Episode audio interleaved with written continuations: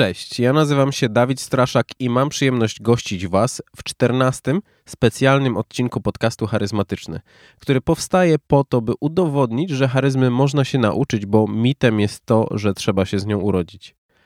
A odcinek jest specjalny z tego względu, że nie będzie on miał takiej formy jak zazwyczaj, czyli nie będzie to długo, e, długa forma wywiadu z, z jedną osobą, a odpowiedź wielu ludzi na jedno pytanie. I poprosiłem znajomych podcasterów o to, żeby odpowiedzieli, jaka była ich najgorsza praca w życiu oraz jakie wnioski z niej wyciągnęli. I będziecie mogli posłuchać odpowiedzi sześciu osób. Piotra Peszko z podcastu 2EDU, który opowie o tym, czy chłodzenie taniego wina może być innowacją. Agaty Chmielewskiej z podcastu Firma Online, która mówi o tym, czy za gratis rzeczywiście nie trzeba płacić. Piotr Kantorowski z podcastu Prawo dla Biznesu radzi, co może dać rzucenie człowieka na, na głęboką wodę. Kamila Goryszewska z podcastu Słucham Gadam pokaże, jak bardzo kreatywne mogą być nastolatki. Piotr Zagórowski z podcastu Tato na Wyspach Magis opowie o tym, co daje wiedza, czego nie chce się robić w życiu. I Chris Nowak z podcastu Do Początku, który opowie o udzielaniu pomocy w trudnych chwilach. Co najciekawsze, w momencie, kiedy osoby nadsyłały do mnie e, nadsyłały do, do mnie swój materiał, to większość z nich zwróciła uwagę, że, że odpowiedź na drugą część tego pytania, czyli jakie wnioski wyciągnąłem z tej najgorszej pracy w życiu lub najgorszych zadań w pracy, którą wykonywałem, skłoniła ich do głębokiej refleksji. Więc tym samym nie chciałbym, żebyśmy poprzestali na jednym takim odcinku i szczególnie Was zachęcam do tego, żebyście dzielili się swoimi historiami. Można przysyłać do mnie nagrania audio lub po prostu tekst, a ja go przeczytam w, przeczytam w podcaście. Zachęcam też do dzielenia się w komentarzach e, swoimi najgorszymi pracami w życiu i dzielenia się wnioskami, które, które z tych akcji wyciągnęliście. Ale bez niepotrzebnych wstępów zapraszam do wysłuchania tego, czym e, podcasterzy się ze mną podzielili. Miłego podcastu.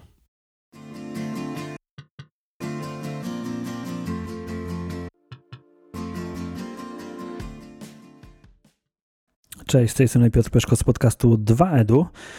O, bardzo fajny pomysł. Przyznam szczerze, że nie spodziewałem się takiego zapytania. E, no ale dobra, najgorsza praca w życiu, no to najgorsza praca w życiu.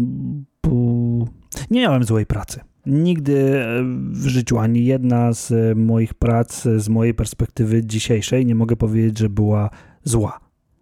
Żadna z nich nie była zła, nie była tragiczna i e, nie mogę powiedzieć, że chciałem ją na coś zmienić, ale e, pracowałem w sklepie monopolowym i praca w tym sklepie monopolowym e, była dość ciężka, bo pracowałem chyba o 5 rano przychodziłem do pracy w nim, a kończyłem czasami o 23, zwłaszcza jeżeli ktoś się wypiął i nie przyszedł na swoją zmianę, a no ja czułem się w obowiązku i w zasadzie byłem postawiony w, przed faktem dokonanym, że muszę być w pracy. Ale co było w tej pracy um, trudne? Kiedy, kiedy myślę o tym, jak ona wyglądała, to ona wymusiła na mnie y, bycie super zorganizowanym.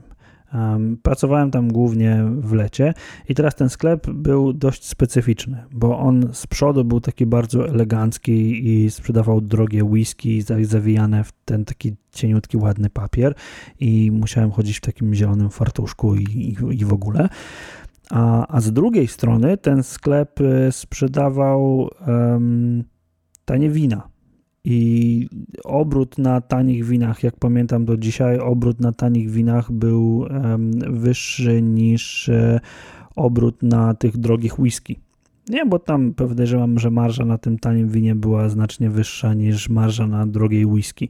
I teraz, kiedy, kiedy myślę o tym, to może zacznę od tego, e, co było dla mnie najbardziej traumatyczne i co, e, co do dzisiaj mnie jakoś jakoś tak bardzo negatywnie na, nastawia, to jest, to jest to, że ci ludzie, którzy przychodzili pić tanie wino, no oni nie byli generalnie bardzo zasobni finansowo, więc na przykład przynosili dużo butelek na wymianę, albo te butelki na wymianę były też walutą e, i, i, i najgorszy moment, ale mi jest nawet trudno dzisiaj o nim, o nim opowiadać, to było to, że no jakby moim obowiązkiem było też przyjmowanie tych butelek. I jak było ciepło i było lato, no to ci panowie przychodzili i te butelki mieli zapasek wsadzony, nie? Czyli cała butelka gdzieś tam lądowała w nogawce i w ogóle i oni wtedy ją wyciągali i, i dawali mi ją i, i ona była od nich ciepła. I powiem wam, że pomimo tego, że no, ja starałem się, starałem się przemóc i jakby traktować to jako po prostu część swojej pracy, no to, to, to jest ten element, który mnie strasznie zrył banie. I no autentycznie jest się w stanie wam zrobić niedobrze, jeżeli trzymacie w ręce taką ciepłą, nieszczególnie ładnie pachnącą butelkę, bo ten pan również nieszczególnie ładnie pachniał, ale mm, czego mnie ta praca nauczyła, e, to powiem wam, e, że mm, przede wszystkim tego, że mm, jakkolwiek źle może to zabrzmieć, że biznes nie zawsze jest e, w tym miejscu, gdzie byśmy chcieli, żeby on był, i nie zawsze ta część naszej pracy, o której my myślimy, że przynosi nam największe korzyści, to ona nam te największe korzyści przynosi. No bo ten sklep tak funkcjonował. E, następna rzecz jest taka, e, znowu, że właśnie ta sprzedaż tego taniego wina mm, okazała się dużo bardziej intratna, zwłaszcza jeżeli e, ono było na przykład chłodzone. Tak? Czyli można było kupić lodówkę i tanie wino chłodzić i sprzedawać je jeszcze drożej niż sprzedawało je się do tej pory. I okazuje się, że przewagę konkurencyjną, kiedy patrzę na to z perspektywy stricte biznesowej, przewagę konkurencyjną można zbudować nie, na tym niekoniecznie co się nam podoba, ale na tym, co jesteśmy w stanie e, w jakikolwiek sposób zmodernizować. No i cóż, taka była moja praca. Tak to wyglądało i wprowadzałem innowacje, chłodząc tanie wina w lodówce i sprzedając ich jeszcze więcej. no, dzisiaj pewnie bym tego nie chciał wykonywać, ale, ale cóż, małe innowacje wprowadzam codziennie, zawsze i też w miejscach, które niekoniecznie wydają mi się atrakcyjne. Więc e, na przykład tworząc podcast, tworzę zupełnie nowy podcast, e, którym się po prostu bawię, w którym opowiadam pewne historie, który może stanowić szkołę e-learningu, który stanowi szkołę e-learningu, który może stanowić e, przykład tego, jak można uczyć online, tworząc podcasty. I w taki sposób wymyśliłem sobie, że będę popularyzował ten sposób przekazywania informacji i ten sposób e, uczenia się. Dlaczego nie? Cześć, ja nazywam się Agata Chmielewska i prowadzę podcast Firma Online. Obecnie zajmuję się marketingiem internetowym i e-commerce ale moje życie zawodowe nie zawsze było takie piękne. Kiedyś, to chyba był pierwszy rok studiów, miałam nieprzyjemność pracować w firmie. Nie wiem, jak ją określić nawet. Po prostu firma wystawiała stoiska swoje gdzieś w alejkach galerii handlowych i tam e, teoretycznie sprzedawali swoje produkty. Ale nie czekali, aż ludzie do nich podejdą, tylko sami zaczepiali i wciskali tak zwany gratis, który rzeczywiście e, kosztował chyba ostatecznie 60 zł. No i ja właśnie byłam tam taką konsultantką, takim sprzedawcą, gdzie stałam z butelką perfum i zaczepiałam ludzi pytając: A czy pani dostała już gratis? Jeju, jak ja to sobie przypomnę, to aż mi wstyd i śmiać się chce. Po pierwsze, te perfumy to była jakaś tania podruba perfum Chanel. Po drugie, nasza gadka polegała mniej więcej na tym, że tylko za te perfumy płacisz A za darmo, bądź też w gratisie. No, ludzie nam wypominali, że to nie jest za darmo, tylko w gratisie, więc w gratisie dostawali tam jakiś balsam do ciała, krem, coś tam, coś tam, niby na o wartości kilkaset złotych, a tak naprawdę koszt produkcji tego to było 10 złotych. To, to jeszcze bardziej śmieszne, kłamstwo niesamowite. A po trzecie, to już jest najbardziej wstydliwe i to spowodowało, że rzuciłam tą pracę tak naprawdę zanim ją dobrze zac za zaczęłam te rzeczy, te produkty kupowały osoby, których nie stać było na to. po prostu myśleli, że faktycznie kupują coś wartościowego, fajnego, pięknego, co, co, od czego będą, no nie wiem, piękni, będą pięknie pachnieć, a, a tak naprawdę kupowali wielkie G, tak? No, coś, no byle coś kupowali. Potrafiłam nawet 400 zł dziennie zarobić, gdzie na studenckie czasy 10 lat temu, no to, dobra, więcej trochę, to było sporo. Ale no nie potrafiłam, jak ja widziałam tych ludzi, którzy podchodzą, jakieś starsze panie, które e, się cieszyły, że takie coś dostały i w ogóle, e, no nie potrafiłam. A faktycznie tam był duży nacisk na sprzedaż, jak najwięcej, jak najwięcej, granie na uczuciach innych, e, na kłamstwie opieranie się. No to nie było coś, w czym chciałam mm, siedzieć. I chyba po tygodniu zrezygnowałam i, i nie wiem, jak to dalej się potoczyło. Nigdy ich więcej nie widziałam. Może jak ja odeszłam, to padli, co? Ale to uważam za najgorszą pracę w moim życiu. Mimo, że pracowałam w różnych miejscach, różne rzeczy robiłam, to jednak moralnie ta praca najbardziej mnie mm, zmęczyła i, i nawet nie chwalę się nią za bardzo. Jednak nie ma tego złego, co by na dobre nie wyszło. Ta praca nauczyła mnie na pewno tego, że nawet jeśli pieniądze są dla nas ważne, bo są, są dla każdego ważne pieniądze, bez nich nic nie ma, to jednak nie za wszelką cenę, tak? Yy, jeśli coś jest niezgodne z naszym, nie wiem, pojmowaniem świata, mm, sumieniem, tak, to żadne pieniądze nie sprawią, że zmienimy swoje myślenie i pokochamy daną robotę. Przynajmniej ja tak nie potrafię. Ponadto teraz, gdy klient e, prosi mnie o doradzenie jakiegoś oprogramowania, to nigdy, przenigdy nie polecam mu czegoś, co tylko mi się podoba, na czym pracowałam i na czym lubię pracować, tylko zawsze próbuję znaleźć optymalne dla klienta rozwiązanie.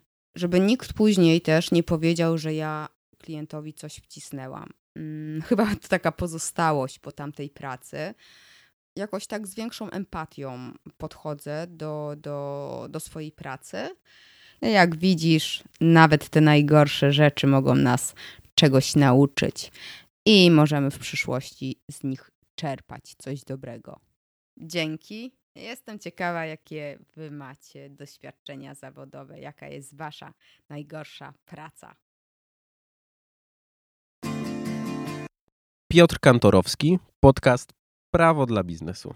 Nie będę mówił o najgorszej pracy w moim życiu i to bynajmniej nie dlatego, że jest to jakiś temat wstydliwy, po prostu po przemyśleniu stwierdzam, że ja takiej pracy nie miałem i nie mogę tym samym o czymś takim opowiedzieć. Pewnie część z Was pomyślała, że no tak wiadomo, prawnik, więc większość czasu spędzał w bibliotekach, a jeśli już nawet nie w bibliotekach, no to na pewno z głową w książkach. Ci, którzy mnie znają, wiedzą, że tak nie było, ale to może przy innej okazji. Natomiast z całą pewnością zajmowałem się też innymi zajęciami niż tylko prawo. Pracowałem epizodycznie na budowie, czy też y, pracowałem przy inwentaryzacjach. Tę ostatnią pracę szczególnie dobrze wspominam, bo była stosunkowo lekka, a bardzo dobrze płatna jak na tamte czasy dla mnie. Także nie, nie opowiem o najgorszej pracy w moim życiu. Opowiem za to o najgorszym momencie w moim życiu, jeżeli chodzi o pracę zawodową, a ten moment nastąpił bezpośrednio po tym, jak zyskałem uprawnienia zawodowe, czyli jak stałem się radcą prawnym. Tutaj tak króciutko dla tych, którzy są mniej zorientowani w tym, jak wygląda kariera prawnika i tu od razu mówię, że upraszczam, jakby sprowadzam to do przykładu, który mnie finalnie dotyczy. Mianowicie odbywa się aplikację, która obecnie trwa 3 lata, za moich czasów 3,5, a potem zdaje się egzamin zawodowy i po tym egzaminie zostaje się e, w moim przypadku radcą prawnym. Różnica między pierwszym okresem a drugim okresem, czyli między aplikacją a byciem już radcą prawnym, jest taka, że dopiero z momentem zostania radcą prawnym tak naprawdę przejmujemy pełną odpowiedzialność, tak merytoryczną, jak i finansową za nasze ewentualne potknięcia, błędy czy nawet błędne decyzje, bo tu podkreślę, no prawo to nie jest matematyka i no nie zawsze jest tak, że mimo naszych najlepszych i najbardziej dogłębnych analiz danego zagadnienia dojdziemy do takiego wniosku, który zostanie potem podzielony przez sąd czy przez jakikolwiek organ.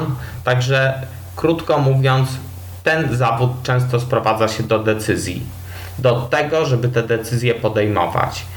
Tej umiejętności nabywa się z czasem wykonywania zawodu, natomiast w moim przypadku wyszło tak, że jak ja zostałem radcą prawnym, to w kancelarii, w której pracowałem, w zasadzie wszyscy pozostali radcowie prawni zwolnili się i zaczęli zakładać swoje własne kancelarie. Także zostałem jedynym poza szefem, ale z szefem to wiadomo jak jest, prowadzi tylko takie tematy, które jego interesują, a nie takie, jakie ewentualnie chciałoby się mu powierzyć. Więc zostałem jedynym radcą prawnym, który miał nagle przejąć wszystkie tematy po swoich kolegach i koleżankach, którzy mieli znacznie większe doświadczenie zawodowe, bo kilkuletnie.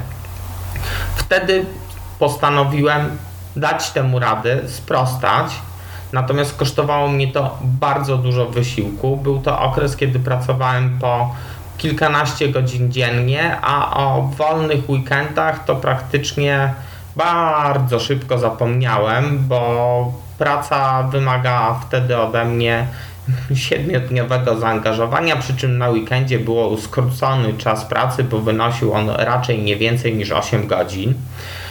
Natomiast ten czas nauczył mnie faktycznie szybkiego podejmowania decyzji, szybkiego działania. Mam nawet takie być może śmieszne tylko dla mnie powiedzonko z tamtego okresu, że jeśli masz za dużo pracy, a za mało czasu, to jest jedno proste wyjście z tej sytuacji: pracuj szybciej. Natomiast ten czas nauczył mnie tego, że można podjąć decyzję i zostać przy pierwszym typie, który nam przyszedł do głowy, bo najczęściej jest on nie gorszy niż ten setny, a bardzo, bardzo, bardzo często jest wręcz lepszy. Poza tym po roku czasu od momentu, kiedy te wszystkie nowe dla mnie obowiązki w bardzo dużej ilości na mnie spadły, okazało się, że wywiązywałem się chyba z nich na tyle dobrze, że jeden z klientów kancelarii, który miał tam indywidualną mm, swoją prywatną sprawę, y, spytał mnie, czy chciałbym obsługiwać firmę, w której pracował. No i cóż, zgodziłem się, a chwilę później zacząłem już prowadzić swoją własną kancelarię, gdzie mogłem powiedzieć, że jestem zdecydowanie bardziej do tego przygotowany niż gdybym przez pierwszy okres mojej pracy zawodowej dostał tylko tyle obowiązków, ile ja sam czułbym, że jestem w stanie udźwignąć. Także puenta z mojej strony jest taka, że czasem życie przytłacza nas ilością obowiązków tylko po to, żebyśmy potem mogli przeskoczyć o tak zwane dwa levele wyżej, a nie tylko jeden i żeby wszystko potem zadziało się zdecydowanie szybciej. Kamila Goryszewska z podcastu Słucham Gadam. Dawno, dawno temu, za górami, za lasami, za siedmioma rzekami, e, żyłam, e, będąc w wieku niepełnoletnim, ale z apetytem na niezależność finansową. To był koniec e, lat 90. ubiegłego wieku i w tamtych czasach. mm, rynek pracy oferował albo bycie hostessą na promocjach w supermarkecie, albo roznoszenie ulotek lub ankiety, czyli e, badanie opinii konsumentów. No, mm, wybrałam ten trzeci wariant. E, badania były bardzo różne, dotyczyły tak różnych e, dziedzin, zaczynając od jedzenia, przez media, samochody, sprzęt RTV, kończąc na nieruchomościach i wycieczkach. Formy prowadzenia tych badań też były bardzo różne. Jedne polegały na tym, że według wyznaczonej przez firmę zasady obchodziło się kolejne mieszkania y, i pukało do konkretnych osób. No i generalnie mm, usiłowało się wydobyć zgodę na przeprowadzenie tej ankiety. To była zdecydowanie najgorsza forma. Można było też być odpowiedzialnym za organizację y, grupy badawczej, na przykład grupy kobiet, które niedawno zostały matkami i przyjdą pod wskazany adres o określonej godzinie. Wszystkie razem w grupie opowiedzą o swoich doświadczeniach związanych z używaniem pieluszek jednorazowych. E, były też y, ankiety polegające na tym, że po prostu zbierało się ludzi z ulicy i zapraszało do degustacji ciast i deserów. No, to był najprostszy sposób e, uzyskania respondentów. E, e, dramat tak naprawdę polegał na tym, że chodząc do wtedy bardzo renomowanego liceum i chcąc to liceum skończyć, no nie mogłam sobie pozwolić na to, żeby zarabiać e, pieniądze, wykonując te ankiety w taki sposób, w jaki one powinny być wykonane. W związku z tym po prostu oszukiwałam. Nie było wtedy też mediów społecznościowych, więc trudno było taką grupę zebrać E, w jakiś inny sposób niż po prostu rzeczywiście pukając od drzwi do drzwi albo gdzieś tam szukając kogoś poznajomych. No więc co robiłam? No, można to nazwać e, po prostu reżyserowaniem uruchamiałam wyobraźnię, wczuwałam się w wymyślonych respondentów, którym wymyślałam tożsamość, gust, y, upodobania, opinie, preferencje. No po prostu wymyślałam sobie osobę i wymyślałam, co taka osoba by odpowiedziała w takiej ankiecie. E, czasami też zdarzało się tak, że po prostu fabrykowałam grupę respondentów, czyli na przykład brałam swoje koleżanki, które przygotowywałam do roli, do odgrywania roli młodej matki. Żadna z nich nie miała dziecka, żadna z nich nie miała skończonych 18 lat, ale takie mm, nie trzeba było się legitymować, więc e, wchodziły w rolę młodych, około 20-letnich właśnie matek e, i stawiały się pod wyznaczonym adresem, odgrywając role, które im wcześniej napisałam i do których ich wcześniej przygotowałam. No, to nie było najgorsze. Najgorsze było to, że po każdym badaniu następowała kontrola.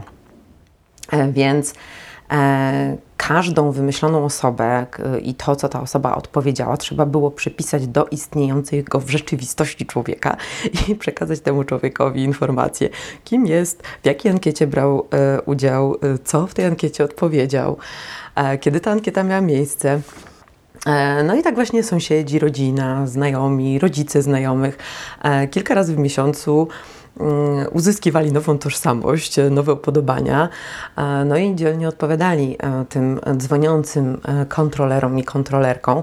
E, no to było możliwe tylko dlatego, że kontrola nie była z tej firmy, która mi zlecała badanie, tylko kontrolę wykonywała firma, której produkt był badany. No więc za każdym razem tak naprawdę ta kontrola wychodziła od zupełnie innej firmy, no dlatego te nazwiska mogły się powtarzać, no ale ogarnięcie tego przez nastolatkę, e, która z jednej strony ma szkołę, z drugiej strony ma e, kwitnące życie e, towarzyskie i jeszcze musi mieć głowę do tego, żeby dokładnie to wszystko rozpisać, mm, było dla mnie bardzo stresujące. E, no i cały czas byłam w takim napięciu, tak? Czy ktoś tam nie zapomni, że jest kierowcą tira, albo że właśnie kupił dwie lodówki. E, więc no, y, dużo mnie to kosztowało nerwów i nigdy było też tak, że jeżeli się gdzieś tam kontrola, mm, powiedzmy, e, dopatrzyła jakiejś niespójności, no to wtedy nie było wypłacane wynagrodzenie. No, wiadomo, że na tym mi bardzo zależało. No, z perspektywy czasu wydaje mi się, że to wszystko było bardzo zabawne, ale mm, przy tym wszystkim też e, e, nauczyłam się na przyszłość takich kompetencji jak życie pod presją, mm, życie w stresie, i mogłam wejść w dorosłość e, zaprawiona w boju. Więc e, też jako takie porównanie, każda następna praca była już lepsza od tej poprzedniej. Dlatego bardzo cieszę się, że tak zaczęłam e, i też, że mam co wspominać. Dziękuję za możliwość podzielenia się tą historią i pozdrawiam wszystkich słuchaczy charyzmatycznego podcastu. Witam cię serdecznie, z tej strony Piotr Zagórowski z podcastu Tato na Wyspach Magis. Dziś opowiadamy o najgorszej pracy w życiu, hashtag najgorsza praca w życiu. u mnie to wyglądało tak, że najgorsza praca e, była najgorsza dlatego, że to była pierwsza i chyba pierwsza praca zawsze jest najgorsza, ale historia jest taka, że skończyłem technikum i chciałem uzależnić, uniezależnić się finansowo, więc e, poszedłem na, do pracy na budowie. Znalazłem sobie pracę na wakacje i e, pracowałem dość ciężko, sprawdziłem się i zaproponowano mi pracę na stałe. Może nie na stałe, ale po prostu przedłużono mi tą pracę z wakacji na rok e, akademicki. E, chciałem się uniezależnić finansowo, więc e, postanowiłem, że pójdę na studia zaoczne i w zasadzie szukałem jakiejś innej pracy. Aczkolwiek tutaj no, ta praca już była, więc w jakiś sposób się zdecydowałem, a zyskałem sobie szacunek właścicieli tym, że jako taką pracę w sezonie wakacyjnym zlecili mi oni złomowanie kabli energetycznych, czyli była taka ogromna szpula, która była mniej więcej wysokości człowieka, e, z kablem, który był grubości mniej więcej przedramienia. W środku były cztery inne kable o grubości mniej więcej kciuka.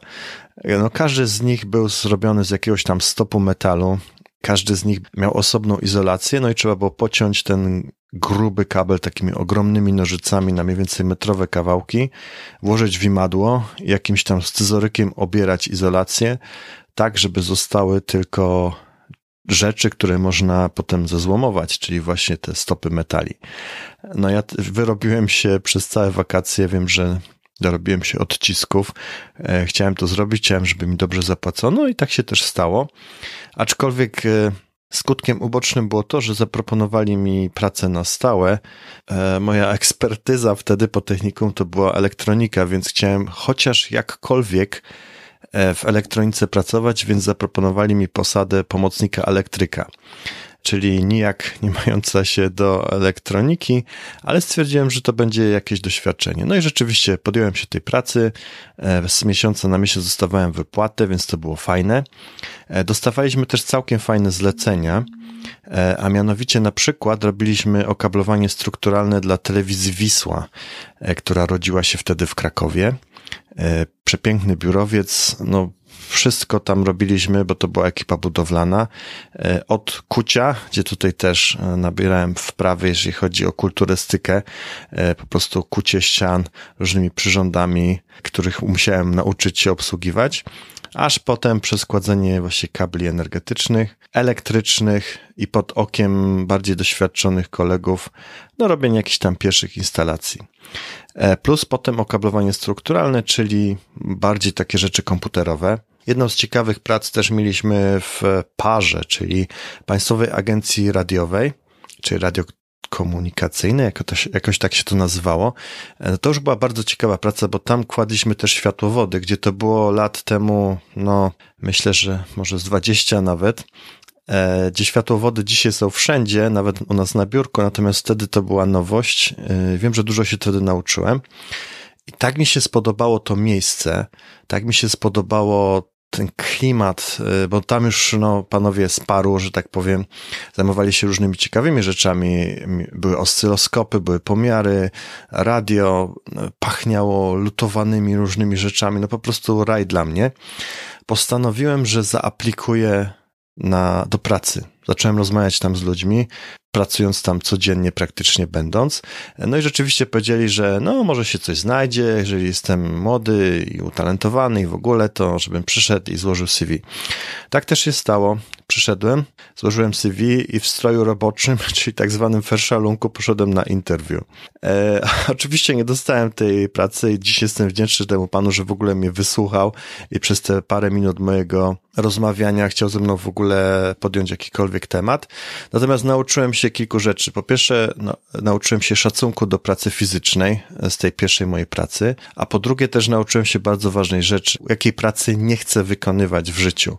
To mi się bardzo e, szybko sklaryfikowało na samym początku i cała moja potem ścieżka kariery i moje decyzje dotyczyły tego, żeby szybko uciec z tamtej pracy fizycznej na budowie i zrobić coś y, w kierunku swojej kariery, którą wtedy widziałem jako rozwój no, szeroko pojętej infrastruktury teleinformatycznej. No i dziś udało mi się, patrząc wstecz, osiągnąć, e, osiągnąć ten cel, aczkolwiek e, miło wspominam tą pierwszą pracę, bo były to na pewno całkiem fajnie spędzone czasy dla młodego człowieka. Dziękuję bardzo. Zapraszam na podcast tatonawyspach.co, e, gdzie dzielę się swoimi przemyśleniami dotyczącymi bycia tatą i bycia liderem w zespole. Do zobaczenia, do usłyszenia. Na razie.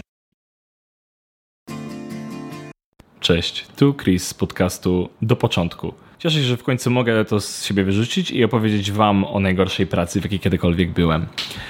Zaczęło się wszystko, kiedy w pewnym momencie przeniosłem się do Gdańska. Nie znałem tam nikogo, wynajmowałem nieumeblowane mieszkanie, nie było mi na nie stać. Jeszcze do tego byłem na skraju depresji. Bardzo długa historia. Ważne jest to, że udało mi się znaleźć pracę i trafiłem do małej firmy, powiedzmy, rekruterskiej, w której to dołączyłem do nowo powstającego zespołu szkoleniowego. Tak naprawdę on składał się z dwóch panów, którzy prowadzili tę firmę. Razem pracowało tam około 10-12 osób. Zaproponowali mi bardzo niskie wynagrodzenie, ale traktowałem to jako program stażowy, tak zresztą to się nazywało. Miałem pomóc przy prowadzeniu szkoleń, ogólnie to wtedy chciałem robić. Super. Zaczęło się dość niepozornie. Przez pierwsze dni w pracy miałem poznać wszystkie znajdujące się tam stanowiska, żeby lepiej ją zrozumieć. Tak więc spędziłem dzień ze działem handlowym, jak i z działem operacyjnym, który był odpowiedzialny za telefoniczną weryfikację kandydatów. I teraz pamiętam jak dziś, jak wykonywałem swój pierwszy telefon do jakiejś starszej kobiety, która mówiła mi, żeby proszę zadzwonić do mnie później, bo jestem na grzybach. Ogólnie z czasem zaczęło do mnie docierać, że coś jest nie tak.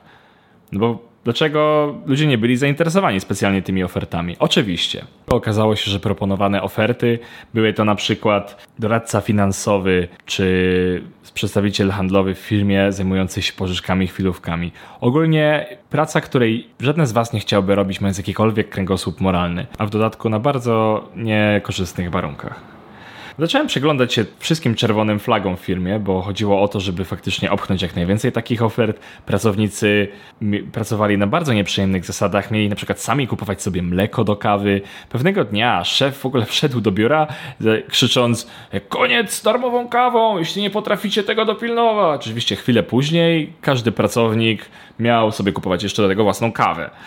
Firma nie zamierzała płacić za nic nawet za sprzątanie. Tak więc pracownicy w każdą sobotę mieli dyżury, kiedy mieli też sprzątać biuro. Wróćmy jeszcze na chwilę do figury szefa, bo to jest dość ciekawa postać. Ten mężczyzna w tej firmie zbudował swoisty kult wodza. Traktując pracowników autorytarnie, w zasadzie był w stanie owinąć ich sobie wokół palca do tego stopnia, że oni ulegle tłumaczyli, usprawiedliwiali jego zachowania, mówiąc, że Pandarek nie lubi, kiedy piszesz maile w ten sposób, albo Pandarek naprawdę wie o czym mówi, ja tam bym słuchał jego opinii. I bardzo zdolnie manipulował pracownikami. Swoją drogą, w jego biurze, w jego pokoju wisiały bezwstydnie zawieszone wszystkie dyplomy ze szkoleń o takich tytułach jak mistrzowska manipulacja. E, kiedy tylko zwęszył, że ktoś zaczyna mieć wątpliwości, to okazyjnie wygłaszał pompatyczną, motywacyjną gadkę wziętą prosto z takich typowych seminariów coachingowych w tym momencie wywoływał błysk w oku i przywracał motywację naiwniaków, którzy dla niego pracowali. No, nie mieściło mi się to w głowie, ale ludzie po prostu byli z powrotem ślepo w niego wierzyli. Jednak czas mijał, tydzień później w końcu przyszło przeprowadzić szkolenie próbne, na którym miałem pokazać swoje kompetencje. I oczywiście było one całkowicie torpedowane przez panie menażerki, które twierdziły, że jest to doskonały sprawdzian moich zdolności radzenia sobie z trudnymi uczestnikami. No tak. Po szkoleniu oczywiście dostałem zero feedbacku, a kilka dni później pojechałem do Warszawy potowarzyszyć panom szefom e, w pilotażowym szkoleniu dla klienta. Po drodze jeszcze zostałem oczywiście odpytany przez jednego z panów szefów, pana Marka, w celu weryfikacji mojej wiedzy. Nie wiedziałem, jak mam się przygotować, z czego miałbym się przygotować, nie wiedziałem, o czym będzie to szkolenie, ale, ale nie była to wymówka dla pana Marka. Panu Markowi wystarczyło, żeby mnie zbesztać i dać mi do zrozumienia, że jestem nikim i ja przecież nic nie wiem, po co ja tam z nim jadę. Następnego ranka przeprowadziliśmy szkolenie. Klient nie kupił. Moje stanowisko zostało więc praktycznie wyeliminowane. Po powrocie wylądowałem w dziale operacyjnym czyli nazywając rzeczy po imieniu call center. Okazało się również, że moja umowa zawierała wynagrodzenie 1000 zł netto, Pełne 1500, na które się umówiliśmy, dostałbym z osiągnięciem określonych wyników. Po czasie dowiedziałem się, że te wyniki były niemożliwe do realizacji i przekraczały dwukrotność rekordowego targetu, który wyrobił ktoś kiedyś w firmie. Legenda głosi. I byłem tak zdesperowany, że nie miałem dokąd pójść, potrzebowałem jakichkolwiek pieniędzy, więc zostałem. Panie kierowniczki, natomiast dorzucałem mi jeszcze jakieś zadania domowe do zrobienia, oczywiście nieodpłatnie, po godzinach. Kiedy wysyłałem jakąś próbkę, pytając, czy to o to chodzi, dostawałem wyłącznie komentarze w stylu: To, co ty mi wysłałeś, to jest kropla w morzu, a nie masz tego też robić po pracy, masz siedzieć w domu i szukać tych informacji. Prawdopodobnie w ogóle próbowały wydelegować mi swoją pracę. Tak więc mijały dni, uciekało ze mnie życie, no bo kto wyżyje za tysiąc złotych. Miałem tyle szczęścia, że kiedy po raz pierwszy wyrwałem się z miasta na weekend na imprezie, poznałem moją kobietę, z którą jestem do dzisiaj. Pomogła mi wtedy wyjść z tej depresji, jakoś odzyskać pewność siebie, a w pewnym momencie w firmie, kiedy ktoś popełnił błąd, szefowie odwalili takie polowanie na czarownicę, że już wtedy nie miałem żadnej wątpliwości, że to najwyższa pora, żeby uciekać. Zresztą nie bałem się tego. Następnej soboty zostawiłem na biurku wspaniałego pana Darka list pożegnalny z litanią mówiącą, co sądzę o tym wszystkim i rzuciłem to dziadostwo w cholerę. Tydzień później znalazłem normalną pracę. Z tego jest dość prosty, a lekcja jest jednak dość ważna. Nie można dawać się stłamsić, nawet kiedy czujemy, że nie mamy wyjścia. Więc zawsze prośmy o pomoc i pomagajmy, kiedy widzimy, że ktoś takiej pomocy po prostu potrzebuje. Często nie, nie kosztuje nas to prawie nic. Ja dostałem tego pomoc, dostałem swoją szansę i teraz jestem bardzo zadowolony ze swojego życia. Trzymajcie się, do usłyszenia. No i teraz e, czas na moją historię. Moja najgorsza praca w życiu e, przytrafiła mi się w momencie, kiedy miałem 18 lat i pracowałem w jednym z e, katowickich kebabów. Moja praca polegała na, na byciu pomocą kuchenną, czyli tak naprawdę robieniu kebabów i w momencie, kiedy robiło się mnóstwo ludzi, e, mnóstwo zamówień, to żeby, żeby rozwiązywać tę sprawę jak najszybciej. Pracowaliśmy tam w trzy osoby. Był e, kebab master, byłem ja i była kasjerka. Pracowałem tam za jakąś śmiesznie niską stawkę. To było jakieś 4 zł na godzinę, chyba nawet niecałe. E, zmiany były tylko i wyłącznie popołudniowe, czyli od 17 do 23 albo do, do 4, do 4 nad ranem, zależnie od tego, e, jaki był ruch. 6 dni w tygodniu. To, co było najgorsze w tej pracy, e, to, to ludzie, którzy tworzyli moją codzienność z jednej strony miałem narkomanów, którzy przychodzili po to, żeby, żeby dostać od nas sreberko albo wrzątek i tak naprawdę do dziś dnia nie wiem, do czego to wykorzystywali. Były też męskie prostytutki, które, które były jakby powiedzmy, że świadczyły swoje usługi w, zaraz za pobliskim szaletem, więc w momencie, kiedy mieliśmy przerwę i wychodziliśmy na, na, na zaplecze, to, to mogliśmy ich obserwować w ich biurze. Moją codziennością też byli złodzieje, którzy skradzione rzeczy e, próbowali sprzedać nam w pierwszym, e, w pierwszym rzucie i można było kupić naprawdę tanio e, komórkę, radio samochodowe albo piłę mechaniczną, bo kradli wszystko, co się da. Ja pamiętam też taką sytuację w momencie, kiedy, kiedy rozpoczynałem pracę i uzupełniałem rzeczy do, na kuchni, to musiałem skorzystać z takiego składziku, który był zaraz obok, i okazało się, że bardzo często pod tym składzikiem ci złodzieje wyrzucali zawartości damskich torebek. E, oczywiście te rzeczy, których nie byli w stanie sprzedać, czyli jakieś używane kosmetyki, ale pamiętam też, jak e, największe wrażenie na mnie zrobił porzucony, porzucony różaniec. Pamiętam też taką sytuację, która, e, która zostanie ze mną do końca życia. E, ponieważ zaraz przy kebabie były maszyny hazardowe, tak zwani jednoręcy bandyci. I naszym jedynym zadaniem tak naprawdę to było pilnować, żeby e, osoby, które nie mają 18 lat nie, nie zbliżały się do tych maszyn, no bo to było e, łamanie prawa. Jednak dzieci, które, no, które wychowywały się w centrum, bardzo szybko obeszły tą zasadę i wynajmowały jakichś drobnych pijaczków, żeby grali ich pieniędzmi i żeby potem dzieli się w jakiś sposób wygraną. I pamiętam sytuację, w której chłopiec, który nie miał więcej niż 12 lat, wynajął właśnie takiego pijaczka i ten zgrał jego pieniędzmi, a w momencie, kiedy kiedy wygrał, to postanowił, że, że nie podzieli się wygraną, tylko zachowała wszystko dla siebie. Po chwili pojawiła się cała mafia bezdomnych dzieci, e, które, które mieszkały w okolicach dworca, więc możecie sobie wyobrazić groteskowość i jakby abstrakcyjność tej sytuacji, kiedy ja w budce z kebabem z jednej strony mam mury więzienia, a z drugiej strony mam dworzec e, kolejowy i grupa około 10 dzieci. One wszystkie były w wieku mniej, znaczy miały mniej lat niż niżej 12, e, z kijami, z łańcuchami, z psami. Zaczynają e, bić tego człowieka, który zabrał im pieniądze. W momencie, kiedy kiedy zabierają mu, mu, mu wszystkie pieniądze, to grożą, że jeżeli taka sytuacja się powtórzy, to go zabiją. E, I tak wyglądała moja codzienność i, i Pamiętam, że ta praca była bardzo ciężka e, fizycznie, ale również psychicznie przez te wszystkie wydarzenia, które się tam działy, ponieważ takiej agresji i e, takich sytuacji przemocy przez, przez miesiąc mojej pracy tam nie doświadczyłem przez resztę swojego życia. Pamiętam, że to, co było dla mnie takim wielkim, wielkim zaskoczeniem, to sytuacja, w której ja zderzyłem się z takim brutalnym, prawdziwym światem, ponieważ chodziłem do, do dosyć elitarnego liceum i tam cały czas mówiono nam, że jesteśmy, e, że jesteśmy wyjątkowi. Tylko, że ta wyjątkowość bardzo szybko się skończyła, a razem ze słowami e, człowieka, który stwierdził, jakiegoś dresa, który stwierdził, że, że zabije mnie, jak wyjdę, wyjdę z pracy i że on będzie na mnie czekał. I wtedy największą lekcją z tej sytuacji było dla mnie, największą lekcją z, z pracy w tamtym miejscu był fakt, że, że różne środowiska rządzą się różnymi prawami.